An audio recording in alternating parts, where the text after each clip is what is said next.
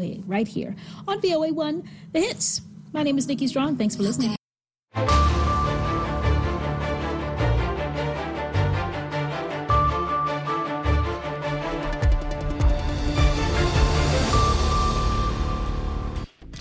halkani waa washington laanta afka soomaaliga ee v o a oo aad ka dhagaysanaysaan mawjadaha gaagaaban efmyada geeska afrika iyo caalamkao dhan oo aad nagala socotaan v o a somaly com.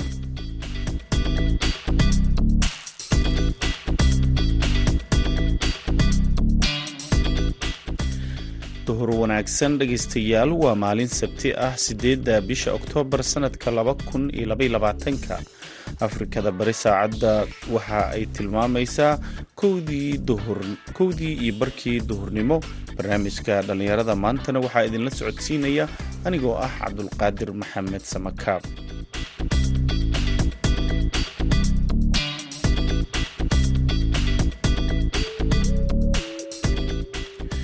qodobada aan idinku hayno barnaamijkeenna duhurnimo waxaa ka mid a barnaamijkii madasha dhallinyarada oo toddobaadkan aan ku eegi doono nafaqadarrada ku habsata bulshada waxyaabaha keena iyo sida looga hortegi karo shayga aasaasiga haddaan ka bilaabeen nafaqadarrada sabab waxaa ka mid a wax soo saarka dalka cunooyinka kala duwan ee waddanku la soo baxo siyaasadda dowladda cuntada waddanku uu soo dhoofsanayo. Ciyaarihii iyo kaalmihii heesaha ayaad sidoo kale maqli doontaan balse intaasoo dhan waxaa ka horreeya warkii dunida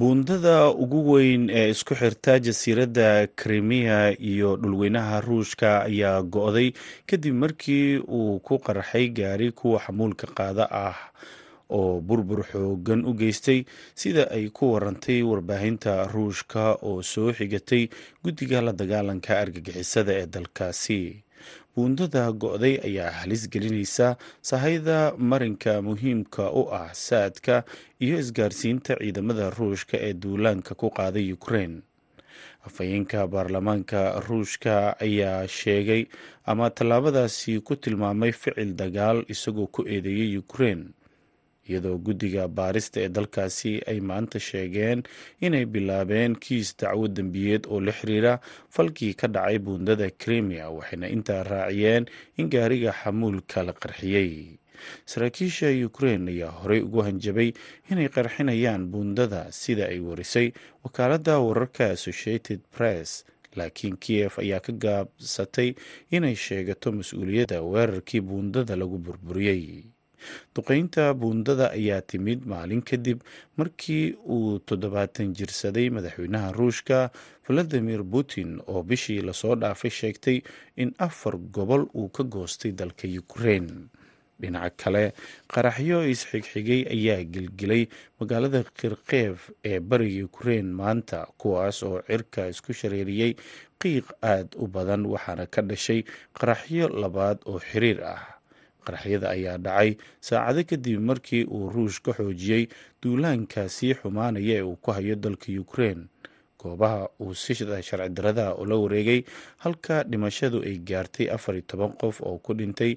Gantaalo hore loogu weeraray dhismayaal dabaqyo ah oo ku yaalla koonfurta magaalada zaboroshia duqa magaalada kirkev ihor tikrof ayaa ku eedeeyey ama ku sheegay telegramka in qaraxyada aroortii hore ay ka dhasheen gantaalo lagu garaacay bartamaha magaalada wuxuuna sheegay in qaraxyadaasi ay dhaliyeen dab qabsaday mid ka mid ah xarumaha caafimaadka ee magaalada iyo dhimasho.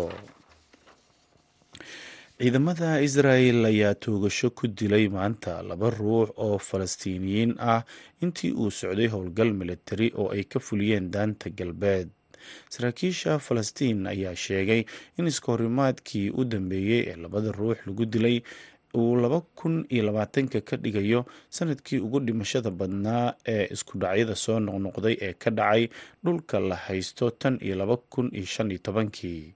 Weerarka ayaa ka dhacay xerada qaxootiga ee janiin oo ku taala waqooyiga daanta galbeed halkaas oo iskahorimaad uu ku dhex maray ciidamada israa'el iyo rag hubeysan oo deegaanka ah kaamka ayaa la sheegay inuu yahay meel ay ku xoogan yihiin maleeshiyada falastiiniyiinta waxaana aalaba halkaasi ka howlgala ciidamada. Mas'uuliyiinta falastiin ayaa sheegay in ciidamada israa'il ay galeen kaamka iyagoo isku gadaamay. Guri muuqaalo lagu baahiyey baraha bulshada ayaana laga maqlayey rasaas la isweedaarsaday wasaaradda caafimaadka ee falastiin ayaa sheegtay in iskorimaadka uu ka dhashay dhimashada laba ruux iyo dhaawaca koob iyo toban qof oo saddex ka mida ay xaaladooda liidato. Dhegeystayaal warkeennii dunidana waa nageynta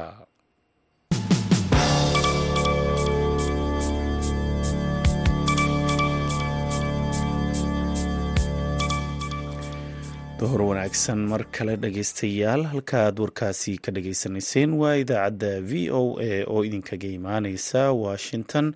Markana waxaad ku soo dhowaataan barnaamijkeenii madasha dhalinyarada. Waxaa soo diyaariyey soona jeedinaya wariyaha v o eda ee magaalada boorame haashim sheekh cumar good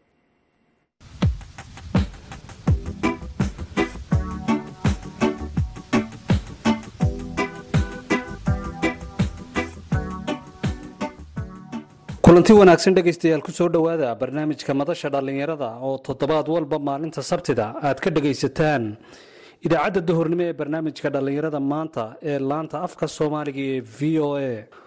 Toddobaadkan waxaan ku soo qaadan doonaa barnaamijkeenna madasha dhallinyarada nafaqadarrada iyo waxyaabaha keena iyo siyaabaha looga hortegi karo xaaladda nafaqadarrada waxaa barnaamijka inoogu martiya toddobaadkan sakariya daahir cige oo ah madaxa ururka san oo loo soo gaabiyey koruqaadista nafaqada qaranka iyo maxamed faarax kibaar oo isagu ah aqoon-yahan bartay waxyaabaha keena nafaqadarrada iyo sida loola tacaalo xaaladda nafaqadarrada haddaba iyadoo dhulka soomaalidu degto badankiisa ay ka jirto xaalad abaareed oo ay ka dhalan karto nafaqadarro baahsan ayaa waxaa dhowaan laga bilaabay degmooyin somalilan ka mid ah sida degmada boor ama wacyigelin la xidhiidha. Koruqaadista nafaqada haddaba aan ku horreeya sakariya daahir oo ah madaxa barnaamijkaasi iyo ururka wada waxaana wax ka weydiiyey bal inuu sharaxaad inaga siiyo barnaamijka nafaqada qaranka ee loo soo gaabiyo san iyo sida uu ku aasaasmay iyo wacyigelintiisa bismillahi raxmaan raxiim marka hore haashim waa mahadsan tahay. Wakhtigaagi iyo maxayday maxayday dadaalkaad u soo gashay inaad wax ka ogaatay brograamkan aan meesha ku hayno. Marka xiga barnaamijkani afka qalaad marka la waxaa la yidhaha scaling up nutrition oo loo soo gaabiya san waana kor u qaadida nafaqada qaranka. Marka barnaamijkani waa barnaamij global ah amba dee adduunka ka shaqeeya oo wadamo badan ay ku bahoobeen. Somalilandna wuxuu ka shaqeeyaa sannadkii afraad buu marayaa. Waxaana ku bahoobay dee barnaamijka xafiiska mahamiyaddu leeyahay waxay ku tusaysaa xafiiska madaxweyne ku-xigeenka hoos yimaadaa toban wasaaradood iyo laba hay'adood baa ku bahoobay markay noqoto dowladda dhexe. Barnaamijkana wuxuu de ku saabsanya intaa la soo dhisay wacyigelintiisii iyo nidaamkiisii iyo qaab dhismeedkiisii baan muddo soo wadnay waxaa maanta aan u joognay halkan magaalada boorama caasimadda gobolka awdal in aanu iyadana barnaamijkii sida qaabkii maamul ugu soo samayno. Oon maanta halkan labadii cisho u dambeysay shalay maanta aan aan ku falanqaynaynay. Muxuu yahay barnaamijka koruqaadida nafaqadu. Maxaa laga rabaa hay'adihii iyo dowladdii hoose iyo xafiiskii barasaabka iyo wasaaradihii ku bahoobay isku duwayaashoodii o dhan baa nala joogay labada maalmood. Waxaana uga waramayno aan warbixin ka siinaynay qaab dhismeedkii hawshu si ay u socon doonto. Ayaan ka siinayn. Marka barnaamijku maaha barnaamij isagu dee funding wada laakiin waa barnaamij loogu talagalay inuu isagu shaqa abuur ma sameeyo laakiin wacyigelin si arinta maxay nafaqa darada ee heer qaran iyo heer gobol loola loola dagaalami lahaa ayuu ayuu ku saabsan yahay. Mashruucan ka fulinayseen wacyigelintiisa magaalada boorama degmooyinka kale ee somalilan ama gobollada kale ee somalilan meelo uu ka hirgalay ma jiraa mashruucan. Ha uu jiraayo iminka boorama waxay noqonaysaa maxay degmadii labaad sanadka hore dhammaadkiisa bishii laba iyo tobnaad waxaan ka soo daahfurnay magaalada berbera caasimadda gobolka saaxil ayaan ka soo daahfurnay. Qaabkan oo kale ayaana dee dood cilmiyeed iyo wuxuu ku saabsan yahay iyo wixii laga raba dowladdii hoose iyo xafiiskii barasaabka iyo isku duwayaashii wasaaradaha ku bahoobay. Wixii laga rabo ayaan wacyigelin iyadana uga soo samaynay ahayd. Marka alxamdulilah tan waa boran waxayna si u yeeratay inay maxay degmadii labaad ay noqoto oo maanta aad iyo aad dad badanoo aqoon-yahana hadday iskuduwayaasha noqoto hadday hay'adaha noqoto hadday dowladdii hoose noqoto aad looga soo qayb galay dood wax ku oola oo aad aan u kala faa'iidaysanay marka hal dhinac kamay socona labada dhinac aan kala faa'iidaysanay aad ayay ahayd.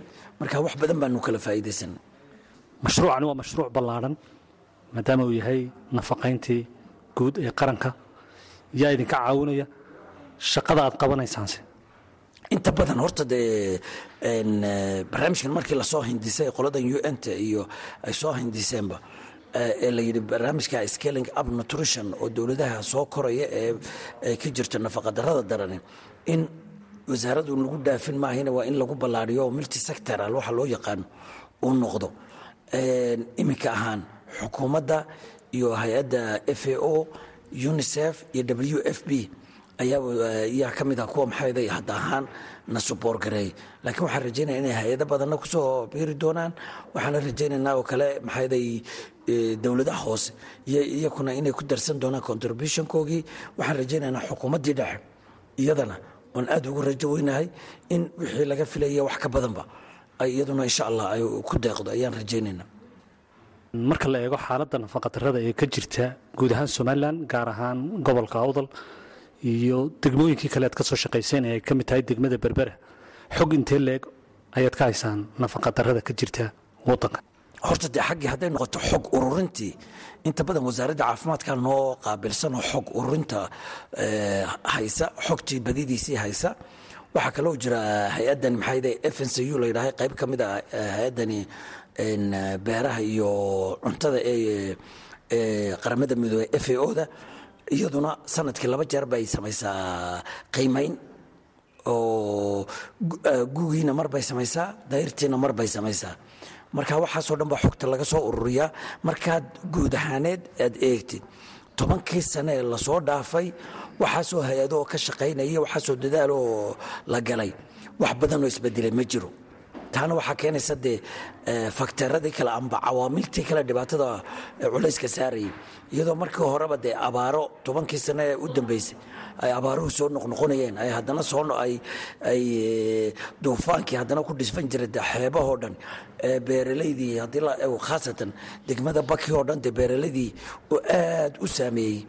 Maxay hayday waxaasoo dhan oo culaysa fakteero weli jira ayaa door ka ciyaarayso iyo wada shaqayn ballaadhanoo hay'adihii kala duwanaaye xukuumadda amba wasaaradihii ha noqoto amba hay'adihii kale madax bannaana ha noqotee waxaan ku shaqo lahaa iyo hay'adihii kale un-ta amba qaramada madoobay iyo kuwii kale caalamiga ee arrinta nafaqada ka shaqaynay inay wada shaqayn iyo xoojin guudi ay aad u jirin ayaa dee culays badan keenaya marka kolley arintu iminkana say u socotee la eegayo. Roobabkii oo sii yaraanaya weliga arkayo roobka gu-una ma di'in. Waa xaaladdu de way sii cuslaanaysaa. Kii dayrtu ma di'in. Culays ayaa sii fuulaya. Oo waa kade waddankao dhan ba iminka berigii waa kii bishii hore ay guddidii maxayday qaran ee abaaruhu ay ku dhawaaqeen inay waddanka abaara ka jiraan. Abaarahaasoo dee soo xooga soo xoogsamaya haba ahaata dee gobollada bariga ha u badnaadaan laakiin xeebahani galbeedkao dhan xeebaha halkaa ka soo bilow berbera ka soo bilow hoosta ilaa gobolka awdal intaasna ina iyaduna culayskeegu uu jiro. Ayaa la xaqiijiyey dee dadaalna waa la wadaa. Laakiin waxaasoo dhanba saamayn iyo culays bay ku keenayaan arrintani la dagaalanka nafaqadarrada maxamed faarax kibaar waa aqoon-yahan aqoonu leh dhinaca nafaqada darada iyo waxyaabaha keena iyo waxyaabaha lagaga hortegi karo nafaqa darada maxaa ka mid a waxyaabaha nafaqa darada keena? Haashim sheekh cumar good aad baad mahadsan tahay waxyaabaha nafaqa darada keena saddex qodob baa ugu muhiimsan oo aasaas u ah. Mid waxaa la ydhahdaa underlying causes baa la ydhaha waa sheeye iyagu nafaqada si toosa aan u sababin ee saamayn ku leh shayna waxaa la ydhahdaa sheeye aasaasiya oo hay ka soo bilaabanto. Shayna waxaa la ydhahdaa waa shay degdega. Shayga aasaasiga haddaan ka bilaabeen nafaqadarada sabab waxaa ka mid a wax soo saarka dalka cunooyinka kala duwanee waddanku la soo baxo siyaasadda dowladda cuntada wadanku uu soo dhoofsanayo waxyaaba waxa le waxyaaba aasaasiga oo inta badan waa heer qaran oo shuruucda dalka nafaqada iyo cuntada ay ka cuntada iyo cuntada soo galaysa tayadeeda taasi taabay khusaysaa. Iyo golobali adduunyadoo dhanba food systemka habkan cuntada iskaga dhex gudbaya taasi saamaysa xitaa dagaaladaa saameeya abaarahaa saameeya ganacsiga waddamada la dhex gudba ayaa saameeya. Taasi waa ta aasaasiga. Shayga la yidhahdo underlying cause waa shay isagu xidhiir dhow la laho. Underlying waa waa sabab xidhiir lale inay nafaqadara dhacdo nafaqara toosa maaha xidhiir bay la leedahay. Waxaa ka mida biyola'aantii baa ka mida waxaa ka mida qofkii caafimaadkiisu liitaa ka mida hiddo inuu leeyahay nafaqadara ka mid oo cunto ku filan hadduu waayo. Waxaa ka mida hooyadiiyo dhallaankii oo nafaqadara ku dhacda ka mida dadkii oo caafimaad wanaagsan waaya iyo nadaafad. Taasina waa shay sabab kule lukule inay dhacdo. Waa qodobka labaad. Qodobka ugu dambeeye sababa nafaqadarrada waxa weeyaan waxaa la yidhahdaa xaalad degdega weeye waa laba lagu soo koobaa qofkii wuxuu cunaba inuu total waayo waa immediate waa degdeg iyo waxa la yidhahda disease xanuun baa qofkii ku dhacay. Labadaasi waa labada ugu badan marka la eego somalilan gaar ahaan goboladan gobolka awdal oo waxaa ku soo noqota abaaro iyo xanuuno ayaa ku soo noqota. Dadkii caafimaad ma helaan. Sidaa daraaddeed diseaskaasi iyo xanuunadaabaa keena. Saddexdaa qodob baa ugu waaweyn waxyaabaha nafaqadarrada sababa saddexdaa qodob maadaama ay u waawen yihiin waxyaabaha keena nafaqadarrada waxyaabaha lagaga hortegi karana maxaa ka mid ah?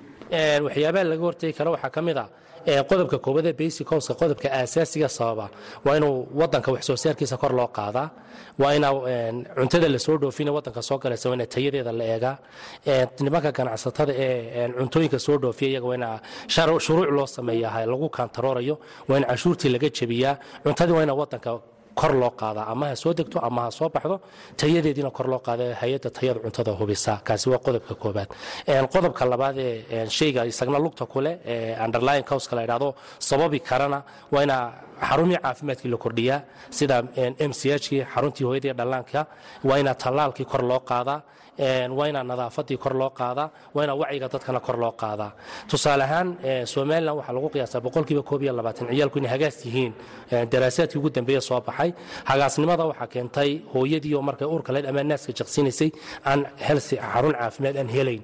Waa inaa kow kuwa kor loo qaadaa qodobka labaad qodobka ugu dambeeya inoogu badan ee ah xanuun iyo cunto ay waayaan dadku. Kow waa inaa shaqa abuur la sameeyaa dadka iskaliya xirfada la baraa caafimaadka xanuunada ka hortagoogiina la sameeyaa saddexdaa qodobna way yarayn karaan nafaqadarrada dadka wacyigoogana kor loo qaadaya xaaladaha ay ku jiraan. La fahansiiyaa dadka nafaqada iyo waxyaabaha nafaqada laga helo intaasina way yaraynaysa ayaan muddooyinka dambe waxaad moodaa in dadkii waaweynaana ay xanuunno ku soo badanayaan. Carruurtiina nafaqadarrada ku soo badanayso maxaa sababa in xanuunno cusub oo macaanka iyo waxyaabo kale ka mid yihiin ay dadkii waaweynaa ku soo bataan? Dadkii yaryaraana ay nafaqadarradu noocan ahay ay ku soo korodho. Marka la eego dhinaca cuntooyinka labaan u kala saari doonaa. Dadka waaweyn iyo dadka yaryaraa dadka waaweyn inan xanuunadan waxaa la yidhahdaa xanuunada muddada dheer lala noolaada la yidhahda chronic disease baa la yidhahdaa sida macaanka iyo dhiikarka kowka somaliland boqolkiiba toddobay ka yihiin koob iyo labaatan labaatankii somaliland healthy survey sahamin la sameeyey waxaa keena kow dadka oo dietiskoogu ayna saxnayn healthy diet nacam cuntadooda oona saxnayn. Maadaama ayna cuntadoodu saxnayn waxaa jira wax la yidhaahdo qofku xanuunadaas waxay soo shaacbaxaan xilliga fordieska lagu dhow yahay afartameeyada dadka qofkaasi waxaa loo baahan yahy inuu cuntadii kaantarooro. Dadkuan cuntadii kaantaroorin baa taa sabab u ah. Waxaa kaloo sababa way habka loo nool yahay ee bulshadu u nooshahay baa sababa waxaa kaloo sababa dadkii on cuntadii ana ka haysan cuntadii munaasabka ku hayd iyagoon aqoon ka haysan wacyigelin haysan taasi dadka waaweyn sabab ay u tahay. Tal ciyaalka waxaa sabab u ah hooyooyinka waxaa looga baahan yahay intayna uur yeelan sida standardka guud ee w h o soo diyaarisay in hooyadu marka inay ilmo dhasho doonayso saddex bilood ka hor hay nutritional cuntadeeda heerkeyga cunto la qiimeeyaa. Sidaa daraaddeed iyadoo hooyadii cuntadeedu sax tahay ay uur yeelato inta uurka leedahayna xarun caafimaad wax la yidhahda a n c care oo ah m c h ka xarunta hooyadii dhallaanka meel waxaa jirta hooyada nafaqada lagu asaskareeyo lagu qiimeeyo lagala socdo sidaa daraaddeed loo saxaa. Waxaa kaloo jirta ilmuhu markuu shan ka yar yahay waxaa la yidhaha waa xilliga nafaqadarrada ku dhacdaa hadduu weynaadana ay daba socotaa xilligaana keerinkeega iyo nafaqadii in la xanaaneeyana way yar xilligaabaa keena qodobka ugu weyne keena waxa lixda bilood ugu horeysa ilmaha inuu naaska oo keliya jaqaal la doonaya naas nuujin badhax tiran baa la idhaha taana lama dabaqo boqolkiiba toddobiyo soddon buu somaliland ka noqday. Taabaa keenta waxaa kaloo keena ciyaalku markay shan ka yar yihiin lama siiyo cuntadii balansidka ee dheeliga tirnayd lama siiyo. Sidaa daraaddeed taasina way sababtaa. Labada qodobaan kaana muhiimada koobaad ee sababa kuwaasi weeye. Inta badan cuntooyinka la soo dhoofiya maa cuntooyinka wadanka gudihiisa laga helo ee wadaniga loo yaqaano. Cuntooyinkaasi kuwa ugu nafaqada badan leh ee carruurta iyo dadka waaweynba la siin karo kuwee ka mid a cuntooyinka ciyaalka yaryar la siin karo. Horta dadka waaweyn ee dadka yaryar cuntooyinka ay ka simnaanayaan waxa weeyaan waxaa la ydhaha khudrawaadka cagaaran khudrawaadka cagaaran sida waxaa la siinayaa kaaroodki waxaa la siinayaa saladkii baa la siinayaa kaabashkii baa la siinayaa baamiyo baa la siinayaa waxaa la siinayaa koostadii baa la siinayaa khudrawaadka cagaaran kow waxaa kaloo la siinayaa sida sida baalkii kaaroodkii baa la siinayaa wixii beeraheenna ka soo baxee iyaga aan la karin u baahnayn baa la siinaya kaasi way ka wada sinaanayaan. Ciyaalka yaryar markay yara yihiinna waxaa la siin doonaa waxyaabaha tamartooda kordhiya sida borotiinka sida hilibka digiraha kala duwan oo koritaankooga kor u qaada la siinaya dadku markay waaweynaadaanna waxaa loo badinayaa cuntooyinka ka hortaga da'da oo sida fitaminada iyo macdanaha oo laga helo sida caanaha iyo iyo hilibka kalluunka iyo iyo iyo digaaga iyo khudrawaadka cagaaran iyo kuwa aan cagaarnayn iyo kuwa la kariyaba ayaa la siinayaa. Waxaa kaloo la saxayaa habka cuntooyinkan ha u isticmaalaanna waa la barayaa kuwaasina way yarayn doonaan xanuunada dadka waaweyn iyo dadka yaraba way yarayn doonaan.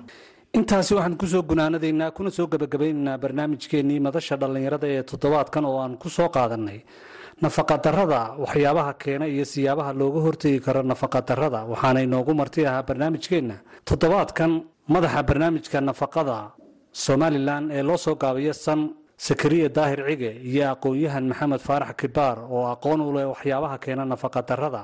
Waxaana barnaamijka idinka soo diyaariyey magaalada boorame ee gobolka awdal anigoo ah haashim sheekh cumar good. Tan iyo kulantideenna dambe waxaan dhegaystayaal idinkaga tegaya sidaas iyo nabadgelyo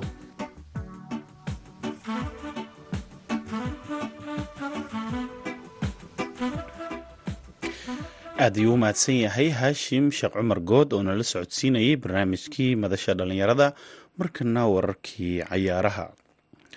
Haddii aan fiirino horyaalka dalka talyaaniga kulan weyn oo si weyn loo wada sugayo ayaa waxa uu dhex maraya kooxaha ac milan iyo yuventus kulankan ayaana ka mid a kulamada ugu adag sereaga labadan kooxood ayaa ku kala jira kaalmaha shanaad ac milan ayaa shanaad ku jirta halka yuventus ay ku jirto kaalinta toddobaad. Haddii milan oo difaacanaysa horyaalka sireaga laga badiyo maanta waxaa ka sara mari doonta kooxda yuventus oo kaalin hoose ayay u dhici doontaa. Halka yuventus oo waayadan uu xaalka ku xumaa labadii sano ee u dambeysana ay dooneyso inay mar ka soo muuqato. Halka sare oo sagaal sano oo xiriir ah ay soo taagnayd. Kooxda inter milan ee kubadda cagtana waxa ay dooneysaa inay dib ugu soo laabato waddada guusha oo ay ka soo kabsato guuldaradii toddobaadkii hore ka soo gaartay kooxda roma. Inter milan ayaa lagu garaacay toddobaadkii hore garoonkooda sansiro laakiin hadda waxay u martinayaan kooxda sisolo waana ciyaarta ugu soo horeyso waxaana ay doonayaan inay joogteeyaan kadib guushoodii barcelona. Bolonya iyo waxaa wada ciyaari doona kooxda kale ee samdoria saddexdaasi kulan ayaana ka dhacaya dalka talyaaniga. Horyaalka siraaga ayaa waxaa hogaamineysa kooxda napoli oo marna aan laga badinin sidii uu u bilowday horyaalka. Labaatan dhibic ayay haystaan. Dalka ingiriiskana kooxda manchester city ayaa maanta waxay la ciyaareysaa kooxda southampton. Chelseana waxa ay la ciyaari doontaa kooxda wolfis newcastle united iyo brantford ayaa isku aadan ciyaarta ugu soo horeysa ee goor dhow dhici doonta ciyaarta ugu adag ee horyaalka premier leagana berito ayay dhex mari doontaa kooxaha arsenal iyo liverpool. Labadan kooxood ayaana markaasi ku kala jira. Kooxda arsenal ayaa horyaalka hogaamineysa oo qaab ciyaareed cajiib ah sanadkan ku jirta halka kooxda liverpoolna ay meel hoose ku jirto oo xaalka uu ku xun yahay. Dalka sbain intaana u gudbin sbain kulan adag ayaa waxa uu ka jiraa caawa ama maanta dalka jarmalka waxaana uu dhex marayaa kooxaha bayer munik iyo brusi dortmond waa kulanka ugu adag horyaalka bundusliigaha ee dalka jarmalka. Horyaalka laliiga ee dalka sbainna kooxda real madrid ayaa waxa ay la ciyaareysaa kooxda getaf sevilla iyo atlantica club ayaa isku aadan. Atlantica madrid waxay la ciyaareysaa girona. Girona ayay la ciyaareysaa halka kulamada kalena berito la ciyaari doono. Dhegeystayaal natiijooyinkii ku soo kordho ayaan idin soo gudbin doonaa idinkugu soo gudbin doonaa idaacadaheena dambe. Markana kaalmihii heesaha iyo heestii beledweyne iyo codkii xasan aadan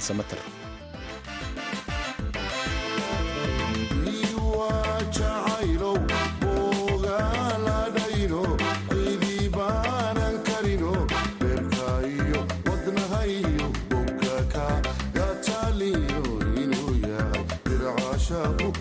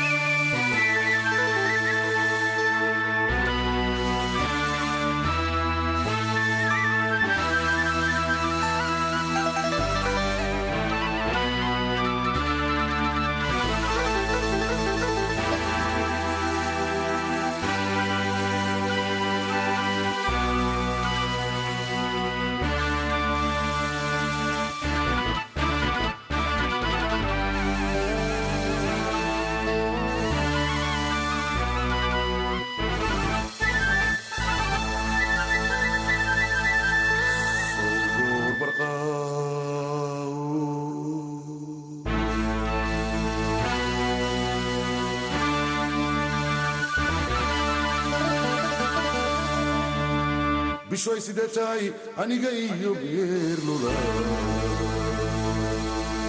iskumana soo baxin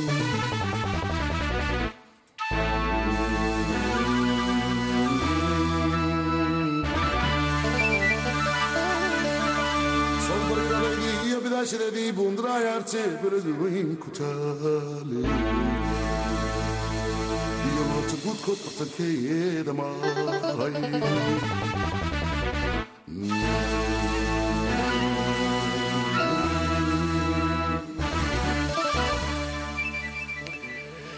heestaasi beledweyne iyo codkii xasan aadan samater ayaa u dambeeyey idaacaddeenii duhurnimo. Waxaa idinla socodsiinaya anigoo samakaab ah tan iyo kulanti dambe nabadgelyo